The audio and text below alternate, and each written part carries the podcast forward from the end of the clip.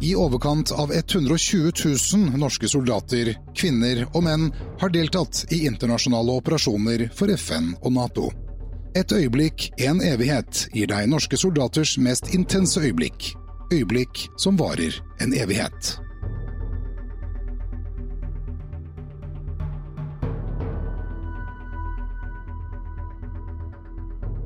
Jeg husker ikke om det var den første eller andre kvelden, men jeg tenkte at fyller'n, det her Nå Jeg lovte guttene mine jeg skulle komme hjem, og nå kom jeg, jeg kom meg ikke hjem. Og det, det, var, det var kjipt. Ja, velkommen til Et øyeblikk en evighet. Denne episoden så skal vi eh, treffe en, ganske fersk veteran, det er lov å si. Men før det så skal vi både ut på Middelhavet og vi skal uh, innom en sykestue. Så det her kan jo bli spennende å høre din historie, Helga. Helga Botten, velkommen til deg. Tusen takk. Du var på det siste flyet ut av Kabul med de norske styrkene. Ja, det var jeg. Og det skal vi høre mer om, men det var ikke der det begynte. Du begynte for en stund siden eh, som sykepleier? Ja, jeg begynte Jeg jobba i Forsvaret i 15 år. Starta først eh, på Sessvoll, jobba tre år der nede. Jobba da bare med personell som var, reiste til og kom hjem fra utenlandstjeneste. Og hadde eh, oppfølgingsansvar for, for personell da, som ble skada også ute. Og så var jeg, etter tre år der, så begynte jeg å jobbe på Sykestopp Arena. Jeg har bodd på Arena hele den perioden, så det ble litt mye pendling. Ja, for du har jo familie? Jeg har familie, jeg har eh, nå tre barn, tre gutter. Ja, Da blir det vanskelig å, å pendle over lange avstander uh, i lang tid? Mye logistikk. Men uh, du, du, fortalte meg at du er jo litt rastløs av deg, så du ville jo forflytte deg litt? Ja, det er fint å ha et Rena, sykestua på Rena, et fantastisk arbeidssted. Men um, som den litt rastløse personen jeg er, så syns jeg også det er morsomt å gjøre litt andre ting innimellom.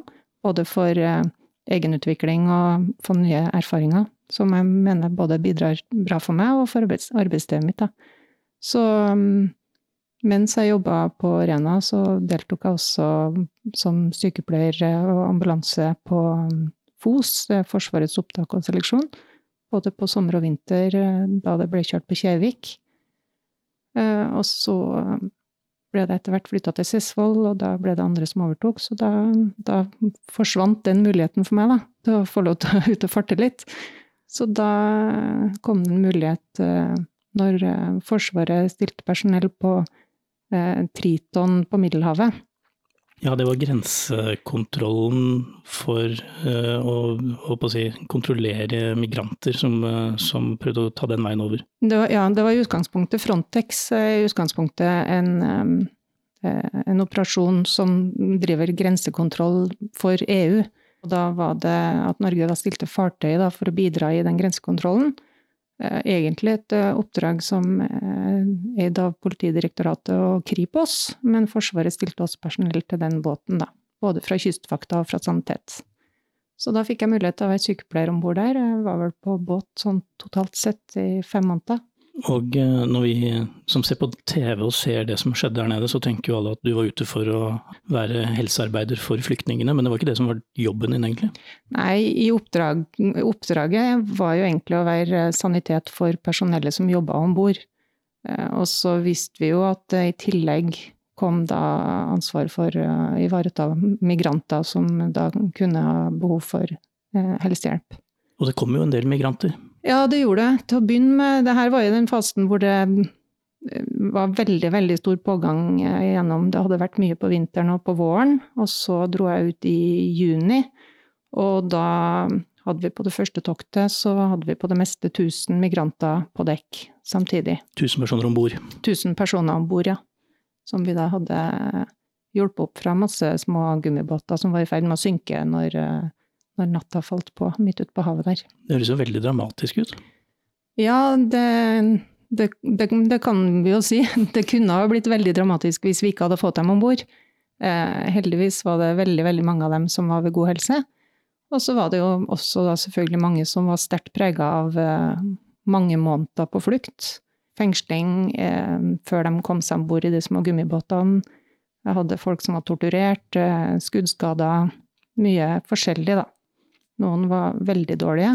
Men vi klarte å holde alle i live til de kom til Italia, i hvert fall.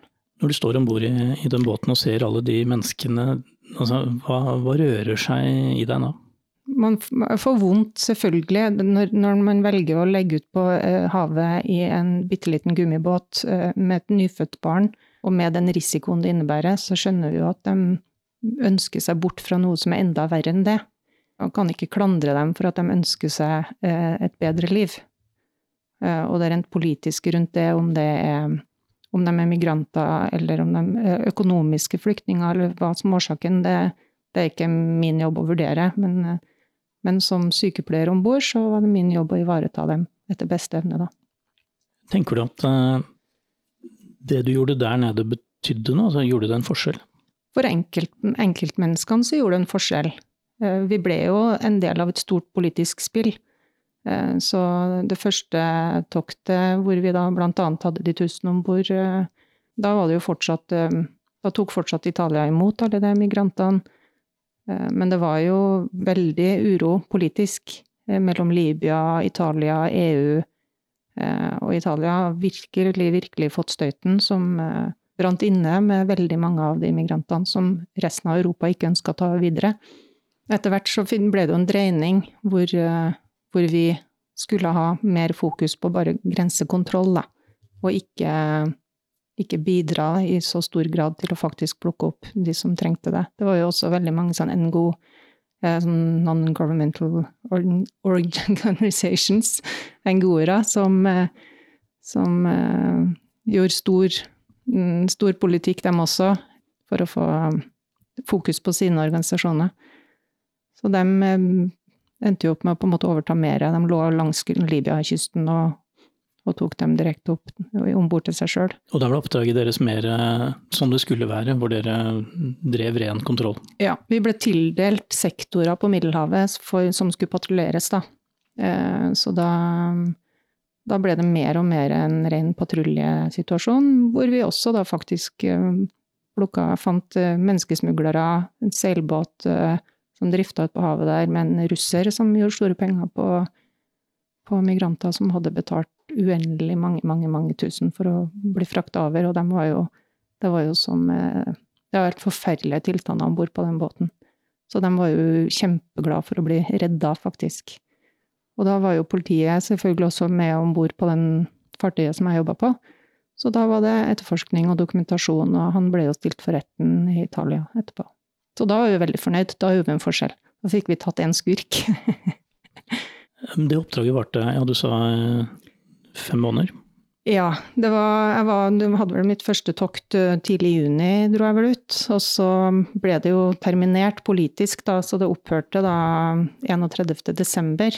Og så seilte vi fartøyet hjem til Norge etter, da. Så jeg var hjemme ute, ut i januar en gang. Og så var du tilbake til Rena og være sykepleier? Ja, da var jeg tilbake og lappe gnagsår og vaksinere og gjøre de snille tingene. jeg må spørre deg, du, for du har vært på sykepleier på Rena ganske, altså, hele tiden, også under pandemien? Ja, det var jeg. Og det, den traff jo oss like hardt som resten av landet. Det, det var mye jobb. Det var testing og isolasjon og karantene. Og vi var i perioder over på ukesvakta, hvor vi jobba 24-7 um, ei uke. Og så hadde vi vanlig dagvakt ei uke, og så hadde vi sånn 24-7-uke igjen. Så, så, jeg sov på kontoret, hadde med hunden min på kontoret og levde livet da, der oppe annenhver uke, faktisk. Det høres jo veldig slitsomt ut, og jeg tror mange av oss som ikke har eh, kanskje vært i kontakt med helsevesenet eller kjenner noen som jobber der, sliter litt med å se hvor, hvor intenst dere egentlig hadde det under, under, pandemien? Ja, jeg tror nok det gjelder for hele, alle i helsevesenet, på ulike måter selvfølgelig. Vi hadde ikke de som var veldig, veldig dårlige, men det måtte håndteres uansett. Eh, de som eh, var syke skulle isoleres og følges opp. De som var i karantene skulle også isoleres og følges opp. Eh, og vi hadde jo et ansvar for å sørge for at dette ikke spredde seg videre ut i samfunnet. Og med de ressursene som vi er satt opp med, og som egentlig hele helsevesenet er satt opp med, så er det jo ikke, det er jo ikke lagt til rette for så enorme mengder med pasienter på en gang. Så um, det var hektiske tider, ja. Det var det. Men du uh, nøyde deg ikke med å, å være sykepleier uh, veldig lenge, eller uh, du ville i hvert fall ut igjen? Ja, jeg kjente jo litt på den rastløsheten igjen, at nå hadde det vært fint å gjøre noe annet. Og da ble jeg tipsa av en kollega, en lege som jobber på FSK, om at han sa at Helga, nå er det en ledig stilling som du Her er jobben din. Og så måtte jeg jo se på utlysninga, og da søkte jeg meg til sykepleier da, til feltsykehuset i Kabul, på flyplassen der. tenkte jeg at ja, det her har jeg lyst til. Så da fikk jeg avklart det da med familie hjemme, at, at det var greit. Og så søkte jeg, så fikk jeg kort tid etterpå fikk jeg beskjed om at jeg fikk en stilling der da som sykepleier. Da var jo Norge allerede Du var allerede klar over at vi skulle ut. Vi skulle trekke oss ut øh, og avslutte oppdraget der nede? Ja, da var det jo allerede meninga at Norge skulle drifte det sykehuset bare da ut året ut 21, da. Så jeg tenkte at ok, hvis jeg har lyst til å gjøre det her, så er det kanskje det siste muligheten jeg har. Så hadde jeg en utrolig grei sjef som, eh, som, sa at det var greit at jeg dro, for hun så nytten både for min egen del og for arbeidsplassen sin del om at, eh, å få den erfaringa. For da nå hadde jeg hatt en sjøoperasjon tidligere, og da var det fint å få vært med på en landbasert operasjon også. Jeg jobber jo tross alt i en eh, hærleir med, med landbaserte operasjoner. Så da hun, hun, sa ja, og jeg fikk dra, og fikk meg ny jobb. så da var det bare å klargjøre seg og. Hvordan var møtet med Afghanistan? Forferdelig dårlig luft. Vi landa jo i Kabul i mars lenge før vi landa på flystripa, så var det allerede en sånn eh, tett, råtten kloakklukt i, i, i, i, kabinen i flyet. Og vi så jo den der brune tåka som bare lå nede i Kabul-gryta. Tett, tett, tett. Men, men, vi var jo bare i Kabul, vi var bare på flyplassen. Da var allerede sikkerhet, sikkerhetssituasjonen såpass eh, forverra eh, at det var ingen som forlot flyplassen. Men dere følte deg ganske trygg inne på flyplassen? Ja, inne på flyplassen så følte jeg meg trygg. Det var jo sånne OPA rundt på fjelltoppene som, eh, våre, med våre da, allierte afghanske mm, som hadde kontroll der. Og, så, og det, var, det, var, rolige forhold. Det var jo det. Det var etter at Trump hadde inngått den herre uh, våpenhvila med Taliban, så hadde det heller ikke vært noe angrep på allierte styrker over flere år. Så de hendelsene som var, var jo egentlig bare angrep på, på afghanere. Men det endret seg, altså bildet endret seg, og vi, vi som sto utenfor og fulgte med, vi, vi liksom kunne følge fra, fra, dag til dag at uh, det gikk fortere og fortere mot en kollaps, nærmest. Ja, det som var da, at vi, vi visste jo vi, vi, skulle i utgangspunktet være ute i seks måneder. Uh, så jeg skulle hjem i midten av oktober, var planen. Men så kom jo da det disse signalene Den, den våpenhvilen opphørte jo egentlig 1. mai mellom Taliban og USA. Og så allerede 1. mai var en sånn dato som vi forberedte oss på at ok, nå kan det hende at det blir mer bråk.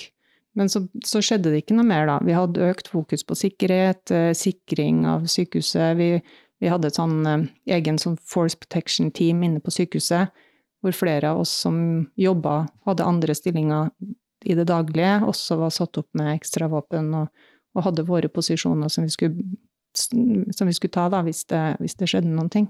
Men 1. mai passerte jo rolig, og det var jo ikke noe mer som skjedde. Og så var det stadig nye datoer, da. Fikk vi jo Så kom jo det her med at vi skulle ut 11. Eh.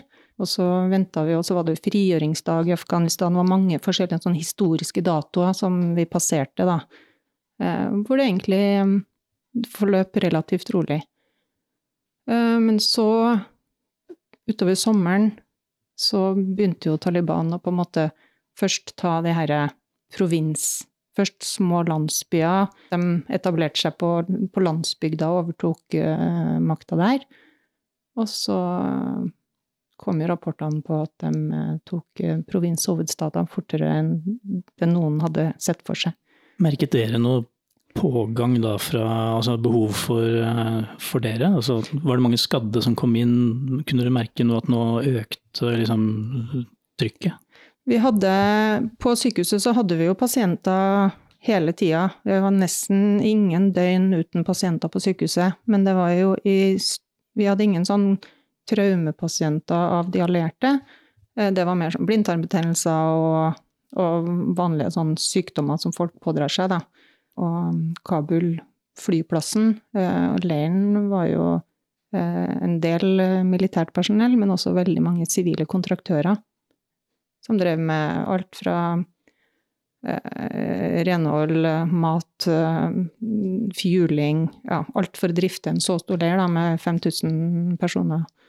Så vi hadde mange som vanlige sånn små caser som, som, var innom. Og så i tillegg så fikk vi jo et samarbeid med de lokale sykehusene og med amerikansk, en amerikansk base, eh, som gjorde at vi fikk en del afghanske spesialsoldater Eh, afghanske spesialsoldater som da jobba med, med, allierte styrker.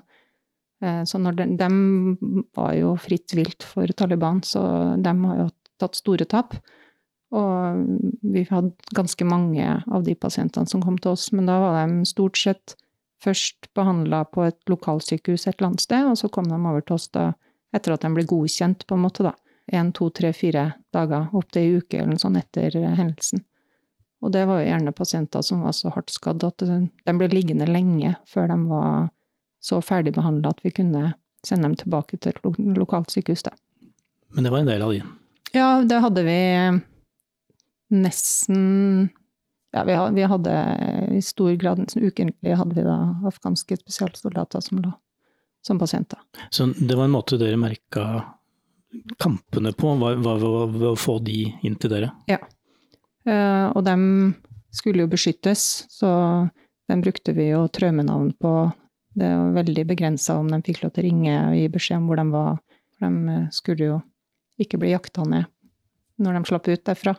Og i tillegg, da, midt oppi eh, de, det, var jo de, på en måte de den, den krigen vi merka, var jo de afghanske soldatene vi da behandla. I tillegg så hadde vi jo covid der ute òg. Jeg slapp jo ikke unna det når jeg dro fra Rena leir. Så vi hadde jo ekstreme eh, Vi hadde mye covid på basen. De aller, aller fleste holdt seg så friske at de bare kunne ligge på egen brakke. Men eh, så fikk vi også litt uti Jeg var i mai-juni, vel, så hadde vi òg noen runder med noen eh, skikkelig, skikkelig, skikkelig dårlige covid-pasienter. Og det var afghanere. Eh, også. Vi hadde to lokale afghanere som, eh, som vi trodde vi skulle miste, for de var kjempedårlige. Og det her var høye krigsherrer og hadde høy respekt, så vi var på en måte Det var litt sånn politisk at de her skal vi hjelpe. Eh, og i tillegg så hadde de jo et kjempeutbrudd nede i ambassadeområdet i Kabul, hvor amerikanske ambassaden blant annet også hadde mista mange i dødsfall, og så fikk vi også en del av dem. Så vi hadde stort press på intensivkapasiteten ved at vi hadde disse kjempedårlige covid-pasientene over tid, da. Eh, men vi mista ingen av dem, men vi fikk evakuert en del ut etter hvert. Mm. Etter hvert som tiden gikk, så, så, ble det vel ganske klart at uh, Kabul kom til å komme under angrep? Ja, det, og det gikk fort. Jeg hadde vært hjemme på Liv um, i månedsskiftet juni-juli, tror jeg det var. Når jeg da kom tilbake, så um, overtok jeg, eller ble jeg satt inn i en ny stilling, for det um, de første tre månedene så var jeg jo avdelingsleder på sengeposten på sykehuset, men uh, når jeg kom tilbake, så overtok jeg som oversykepleier på sykehuset. Da var jeg med på alle de sikkerhetsbrifene som kom, og fikk jo jevnlige oppdateringer om hvor fort det her gikk. Og vi, var, alle ble tatt på senga. Etter hvert som provinsene falt, og og de ulike byene falt, og det var de større, større provinshovedstadene som man tenkte at ja, men det her, her tør de ikke å gå inn. Det her, det her, kommer til å ta tid. Og så gjorde det jo ikke det. Og så begynner vi å få inn eh, pasienter, afghanske soldater, da, fra nærmeste, nærmeste by, på en måte. Og skjønne at ok, det her er jo bare Nå snakker vi om at de er tre mil unna og da skjønte vi at nå begynner det å bli litt tight her, for da, jo, da fikk vi en del pasienter da, som direkte flydde til oss. da. Um, og så når de da sto rundt Kabul bare, da, det var bare Kabul som sto igjen, så var det sånn at ja, men de tør ikke å gå inn i Kabul. Det var liksom, da snakka de om 90 dager, eller det her kommer til å ta tid. Og to dager etterpå så sto de, og da var de på flyplassen. Hva tenker du da når du står du, du er på den siden av, av, av, den konflikten, og er alt bare faller sammen rundt deg. Hva tenker man på da? Nei, det For det første så Nei, jeg ble Vi ble tatt på senga. Eh, vi hadde I den grad man kan si det, vi ble vel tatt like mye på senga som resten av verdenssamfunnet. Men allerede fra mai og helt frem da til eh, august, da, 14. august, når det her skjer, eh, så har det jo vært en opptrapping. Vi har på en måte forventa at det kommer til å skje en endring. Eh, det kommer til å stramme seg til, vi må være mer varsom, vi må være, ha mer fokus på sikkerhet. Eh, vi må ha planer for hvordan vi skal forholde oss hvis det her går skikkelig åt skogen. Eh, så vi hadde jo høyt fokus på både egen personlig sikkerhet da, og, og, hvordan vi skulle drifte sykehuset hvis det, hvis det virkelig gikk ille. Så vi hadde, vi hadde jo ukentlige øvelser i forhold til masseskader, og fra sommeren av så hadde vi jo mye øvelser på det å å forflytte oss mellom brakka vi sov på, til sykehuset. Det å skjøtte ned sykehuset, ha, ha, sikkerheten i orden. Amerikanerne kom etter hvert med litt mer sikkerhetsstyrker. Jeg fikk et godt samarbeid med dem. Det ble også lagt noen planer for å, hvis vi måtte evakuere sykehuset, så var det en annen bygning da, i, i leir som skulle bli vårt sånn helmstip, da. Som Og vi satte opp en sånn reserve, ja, reserveintensiv operasjon og Eh, som, det, som, var worst case scenario, vi, som vi kanskje kunne klare å holde i, i, i samarbeid med amerikanske sikkerhetsstyrker i, et døgn, kanskje, frem til vi ble evakuert. Ja, Da snakker vi om en siste skansevariant, hvor dere hadde i tilfelle vært omtrent ja, da, omringet uh, ja. Det var det scenarioet dere trente på? Ja, det var det scenarioet. I tilfelle det, vi, flyplassen ble storma og, og, og, sykehuset falt, og vi måtte bare, for å, for å overleve, mul, om mulig overleve, da. Jeg tenker at uh, Med det du forteller nå, så var du redd? Nei, på det tidspunktet der var jeg ikke redd. Håp, det var sånn hvis vi var sånn, ja, men det her er worst case scenario, men vi kommer ikke dit. Det her går bra.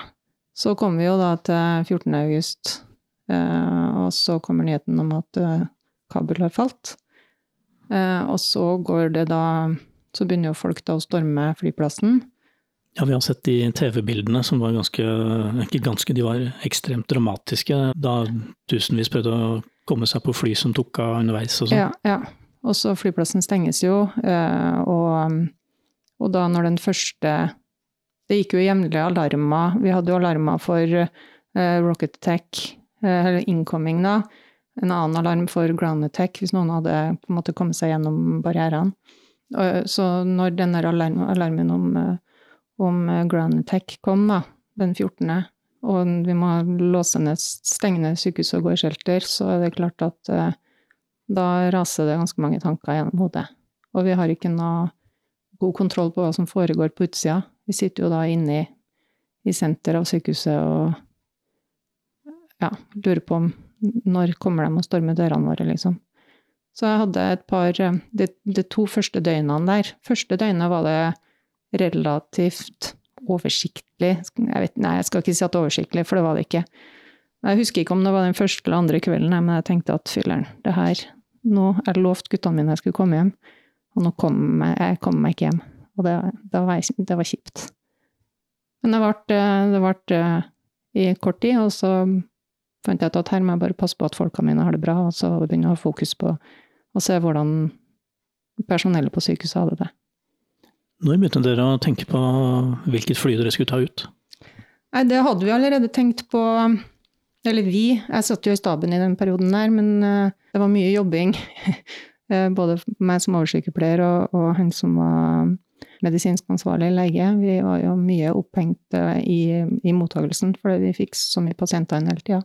Og da var vi jo under amerikansk kommando. Vi hadde jo Vår sjef var jo norsk, men som han var jo sykehussjefen, men den amerikanske kommandoen eh, eh, var jo de som leda oss. Og de eh, hadde da i forkant, et par dager før, et par dager før det her 14. august og Kabuls fall, da hadde de allerede sendt hjem 10-12 av sykehuspersonellet. Fordi at amerikanerne hadde veldig sånn press på seg for å ha Jeg tror det var snakk om at de skulle bare ha 600 personell på bakken på et eller annet tidspunkt, da. Så vi måtte få ned fotavtrykket. Og når det begynte å stramme seg til, så var det sånn at ok, vi vet ikke hvordan det her utvikler seg, så, så planen var jo å skalere ned så mye som mulig, så fort som mulig.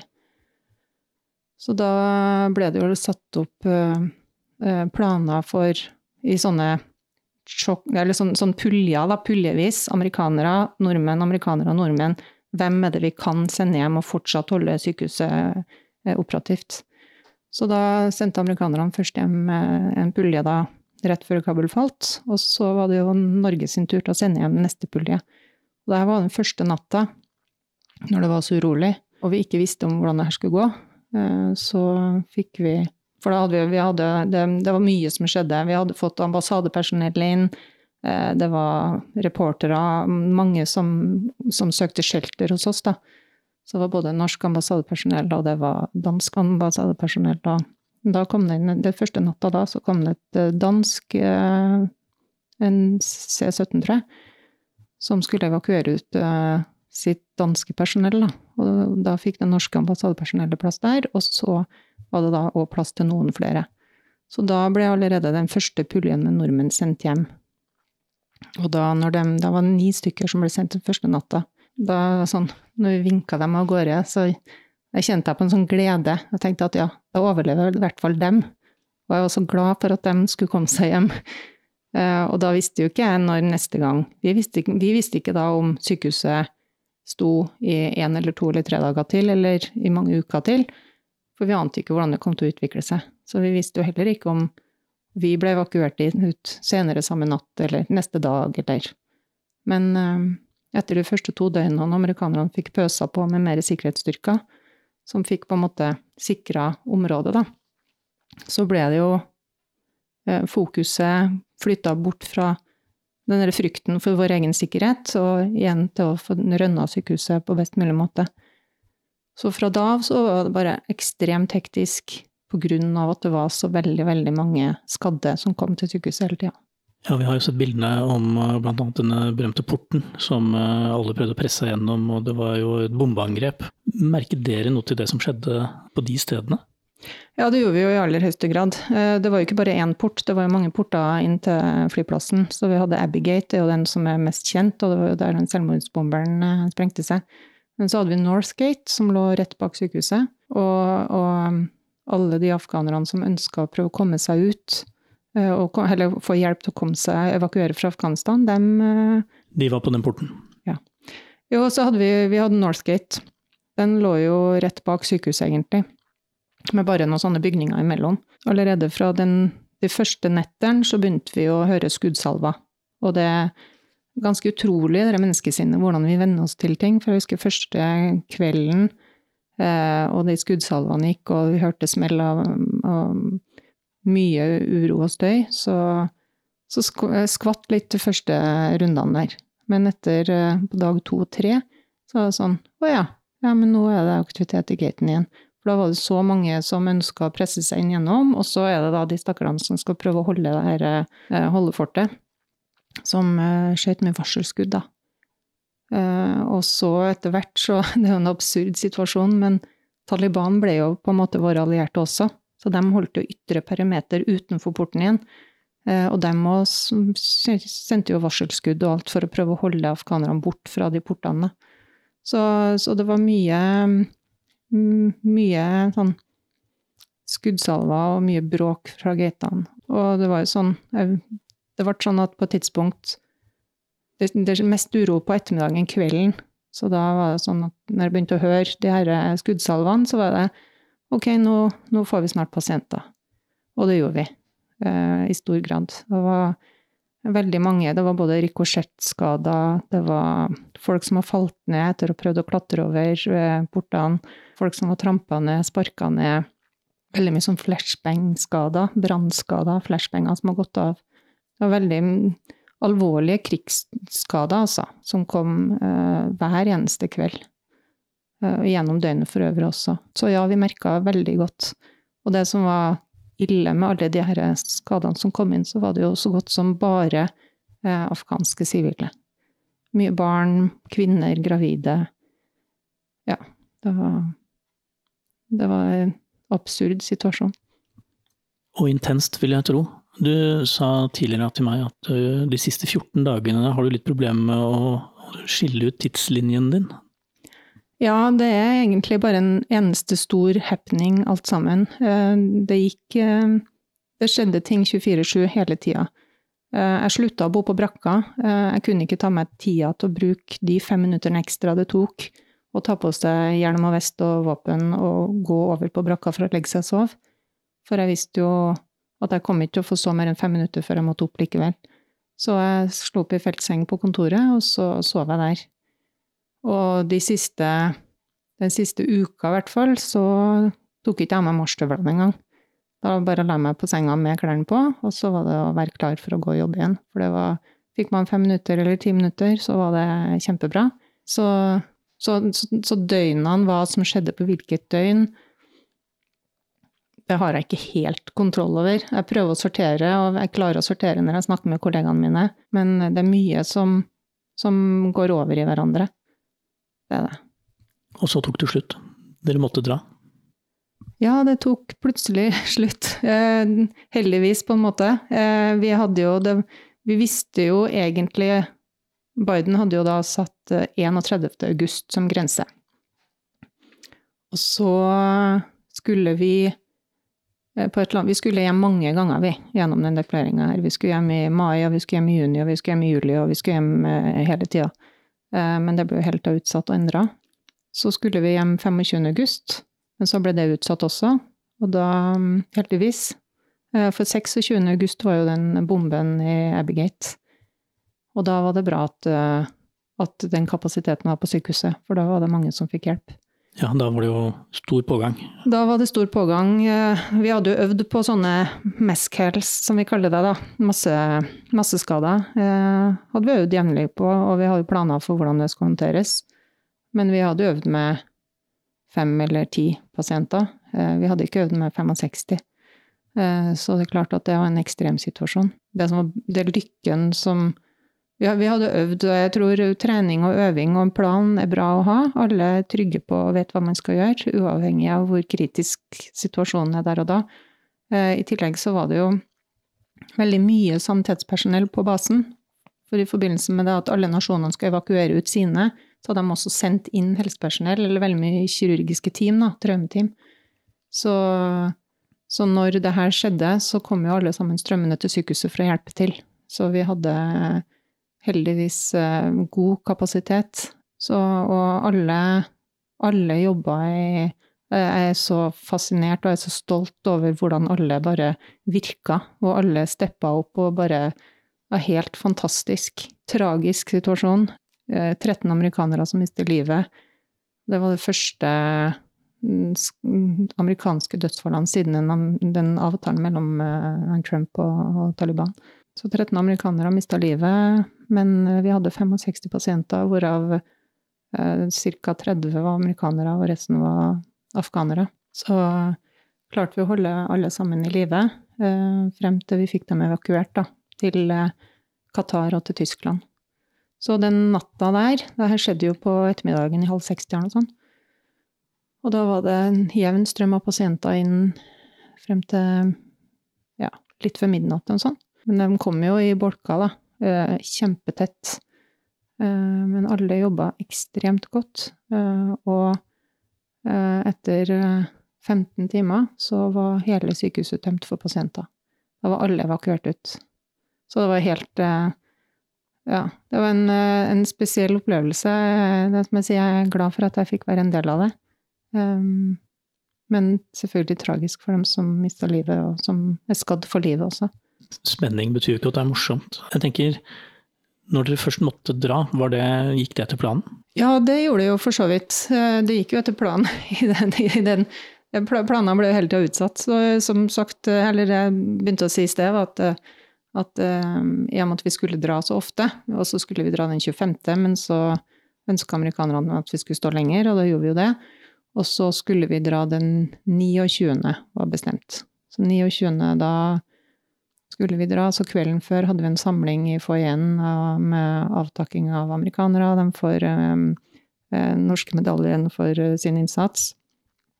Og, um, og så, kommer det, så kommer han Stamp, han sjefen over Bent, da, vår sjef, og sier at men dere blir en dag til. Og da visste jo vi i staben det, men da visste jo ikke resten av personellet på sykehuset det. Eh, fordi at amerikanerne så at de kunne ikke holde det der alene hvis det kom en sånn bombe til. Så det var, det var, da var det mange som fikk en knekk, som hadde sett for seg at de, nå vil de hjem.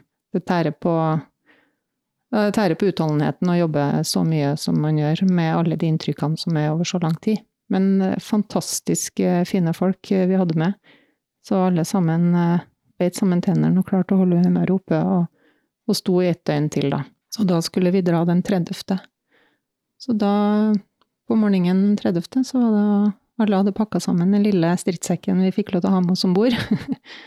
og så ble vi da henta Stilte vi, lina vi opp, og så gikk vi ut på flystripa og gikk om bord i en norsk Hercules som kom og henta oss. Og det var det siste flyet med de siste norske soldatene som forlot Afghanistan? Ja, det var det. Og når vi hadde kommet oss om bord og satt oss til rette, så, så er jo luka på Herkulesen fortsatt åpen. Og da er det bare å se ut, og så kommer det en alarm, og så er det incoming-alarmen på raketta. Så da var det et rakettangrep mot basen. Fem raketter, da. Men heldigvis, eh, piloten eh, og styrmannen bestemte seg for å komme seg av, komme seg hjem, i stedet for å gå i shelter på flyplassen. Så da, da forlot vi åstedet. stedet. Ja, under angrep, faktisk. Ja, det var under angrep. Hvordan lander du mentalt etter, etter det der? Jeg vet ikke helt. Gjør vi det noen gang? vi gjør nok det. Jo, jeg, jeg, jeg, jeg er sånn skrudd sammen at jeg, er glad for å få være med og for å få erfaringer. Jeg var jo også heldig å, å være sammen med så mye fine folk eh, som støtta hverandre, backa hverandre, og som og, og, vi var jo i svært liten grad under trussel sjøl.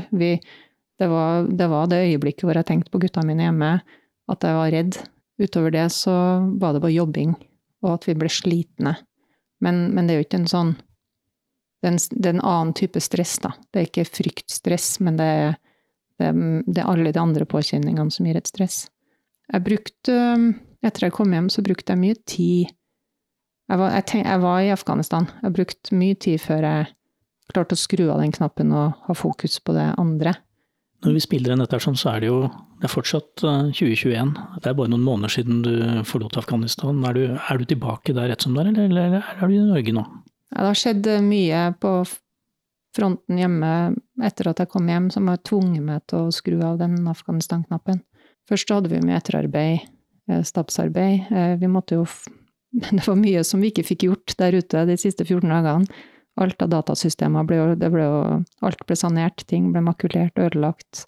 Så det var Til å begynne med så var det mye arbeid, etterarbeid, når vi kom hjem. Og så, når jeg skulle begynne på min friperiode, så rakk jeg én liv- og rekreasjonsdag før eh, kjæresten min eh, fikk eh, påvist kreft. Så da var det å kaste seg inn i en ny kamp, som var ganske mye mer skremmende og truende faktisk enn, enn å være i krigen. Og, og, da gjør man seg noen tanker. Da tenker jeg at uff, var det verdt det? Var det verdt å bruke så lang tid på, på å være i et fremmed land, eh, når jeg egentlig skulle ha vært hjemme sammen med familien min? Men eh, så har det også gått bra, da. Han har blitt utreda og blitt operert og i dag ble han erklært frisk, faktisk. Ja, du sa det rett før vi satte oss ned eh, for å snakke om det, så det må jo ha vært eh, en fantastisk førjulspresang eh, å få. Ja, det, og da, da, jeg, da, da, har jeg slått av Kabul, og så har jeg Nå kan jeg slå av kreft, og så nå kan jeg kanskje begynne å tenke litt mer på hva jeg har opplevd igjen. Kan du gjøre deg noen sammenligninger mellom operasjonen i Middelhavet og den, eh, de siste, si, den siste tiden i Kabul, er det store, sterke inntrykk begge steder som, eh, som, du tar med deg videre? Er det noe du kan sammenligne med? Ja, jeg har tenkt litt på det sjøl det siste. Når vi forberedte oss for å dra til Middelhavet, så selv om det på papiret het at vi skulle være sanitet for personell om bord, så visste vi jo eh, bakteppet, hvorfor vi var der, og det var jo alle migrantene. Alle familiene, alle barna, alle de gravide kvinnene. Så da var vi forberedt på at det var det vi skulle håndtere, og det var dem vi skulle hjelpe.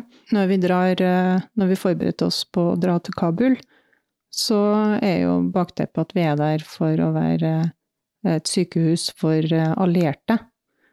Um, og det at vi da hadde en, del afghanske spesialsoldater innom, det var bare bra, sånn at vi faktisk hadde noe å gjøre. Ellers hadde vi jo bare gått på veggen.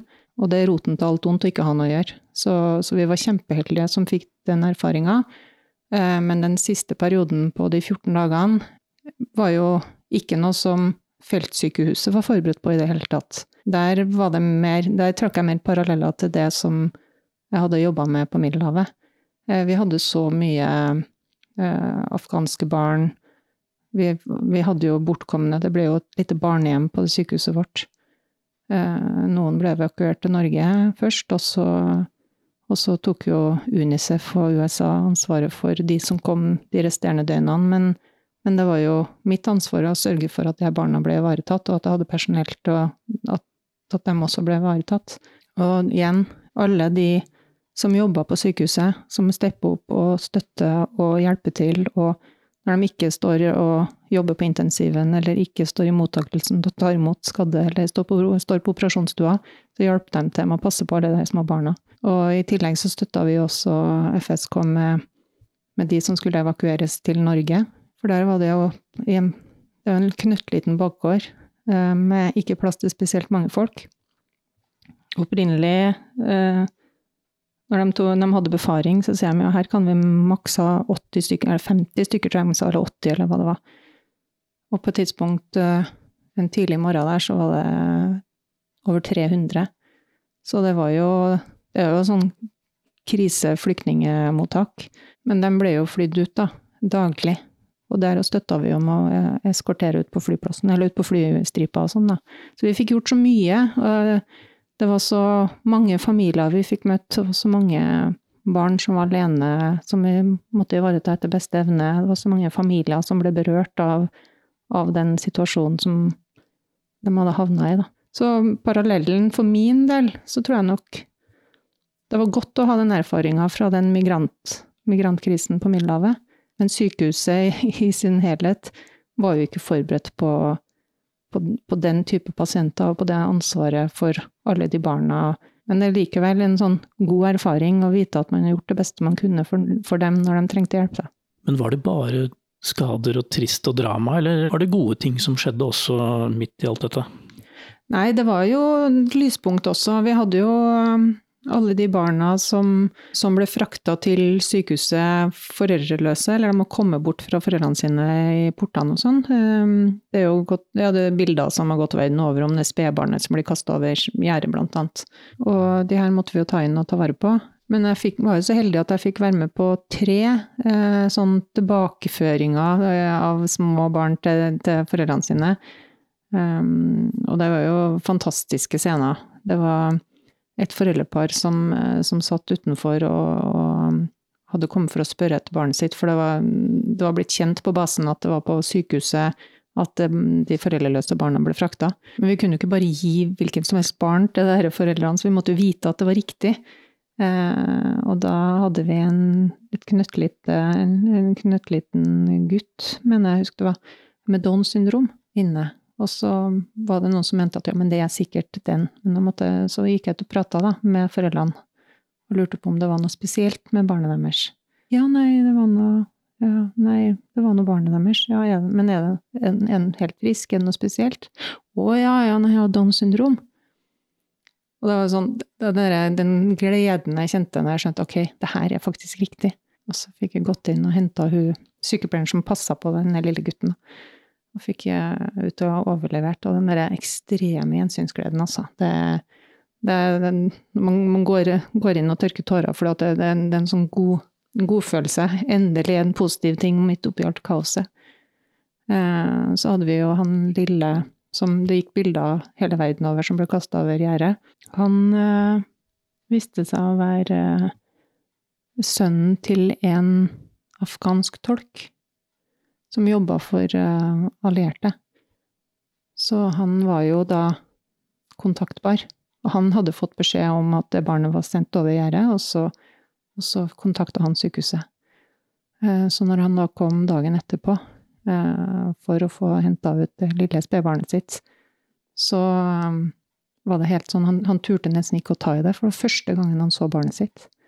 Og første gang, Han turt, visste ikke hvordan han skulle holde inn, for han var så redd for at han skulle ødelegge den eller knuse den eller miste den. eller som at bare, bare, Du må bare holde den fast, det her går fint. Men, men den derre ekstreme Den gleden, altså, det var helt, eh, helt fantastisk. For da var mor fortsatt på utsida av gjerdet, da. Men, eh, men hadde på en måte fått identifisert og sett på bilder og visste at det her var riktig, da. Så det var to av dem, og så hadde vi en far også. Det var en liten gutt som jeg satt med på fanget, som bare gråt og gråt og gråt, og som var egentlig umulig å roe ned.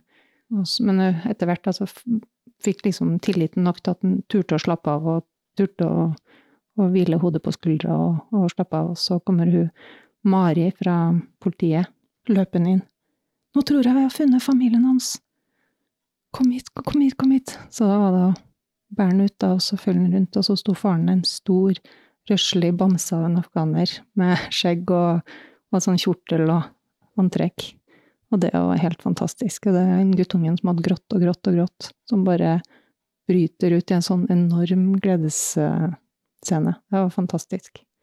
Så noen lyspunkt var det faktisk. Og så hadde vi jo en Det var også under det var under det Abbygate-bombet 26.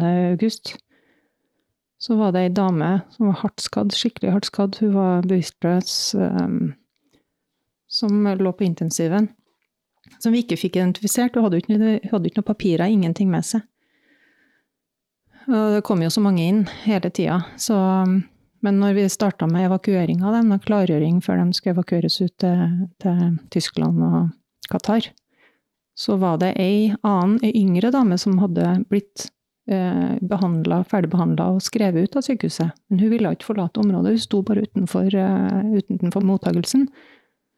Så jeg måtte gå ut og spørre ham om det var hvorfor hun ikke kunne komme seg videre. Hun snakka ikke noe godt eh, engelsk, men hun fikk ordna med noe tolkehjelp. Og så fortalte hun at hun savna mora si. Lurte på om mora hadde vært sammen med ved gaten, og lurte på om jeg visste hvor mora var. Og så hadde hun et bilde av mora si. Så da var det å få, få tatt bilde fra den mobilen, og så var det å gå inn og se en runde med de som da lå der inne. Og da var det hun bevisstløse eldre dama i den senga, som da var mora. Så da fikk vi da fikk jeg fulgt hun dattera inn, og så fikk vi ordna så hun også fikk blitt med på den evakueringa til Qatar, da. Så de fikk fortsette å være sammen. Og det var en sånn Kjempesorg selvfølgelig å se mora si så skadd, men utrolig godt for oss å vite at hun faktisk fant henne igjen, og at de kunne dra sammen. Så det er noen lysglimt. Gjorde du noen tanker om nå i ettertid, altså du har vært med på det siste kapittelet av 20 års eh, innsats i Afghanistan. Er det noe du tenker over, at du fikk med deg finalen? Ja, jeg gjør jo det. Vi fikk jo laga Jeg må jo være så ufin å si at vi fikk jo laga oss eh, hettegensere hvor det står liksom 'last team out', eller noe sånt. Så klart, det er jo, det er jo litt stas å komme hjem og bli anerkjent av storsamfunnet og av, eh, av USA og alle at, at, ja, vi sto i det uh, til det siste. Vi trakk oss ikke ut. Norge tok ikke ut uh, sitt personell selv om det begynte å bli litt, litt hett. og det å, å, vise at vi også kan gjøre en forskjell, da Eh, når det begynner å brenne litt, eh, er jo, er jo bra. Og, og, jeg er jo litt stolt over å ha fått vært en del av det. Og jeg er veldig glad for at jeg fikk den erfaringa. Eh, og har jo, vi som fikk vært med til, helt til slutten, vi har jo fått erfaringer som de aller, aller fleste sannhetspersonell som reiser ut, ønsker å oppleve, men som aldri opplever. Det er veldig mye ventetjeneste i Forsvarets sannhet. Og det kan det være til tider, eller det hadde vi også til tider, men, eh, men det å få den avslutninga når det ble som det ble, så er jeg veldig glad for å være en del av det. Hvordan eh, forklarer du de hjemme? Du har, eh, du har barn som er store nok til å forstå hva som skjer. Altså, hva, hva sier du når mamma kommer fra krigen? Jeg sier vel for at jeg var glad for å være hjemme. Jeg var veldig glad for å se dem igjen. Kommunikasjonen på det siste var veldig vanskelig. Vi hadde jo Til å begynne med så hadde vi jo et sånn rent internett som gjorde at jeg kunne ringe hjem på Messenger, og jeg kunne se dem, jeg kunne snakke med dem. Så vi hadde jo jevnlig kontakt gjennom hele perioden fra mars.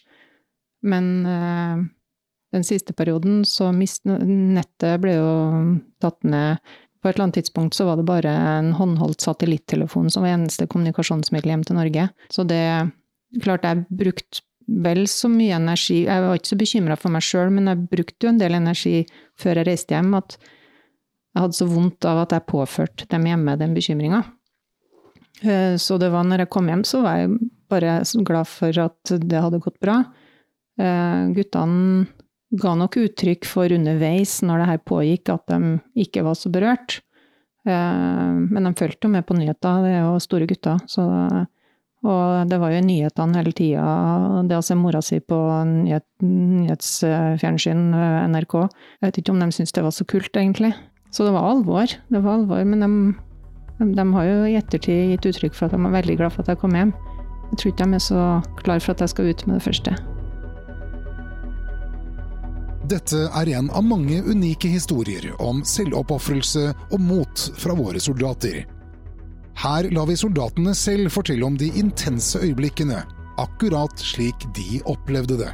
Historier som rett og slett er blitt et øyeblikk, en evighet.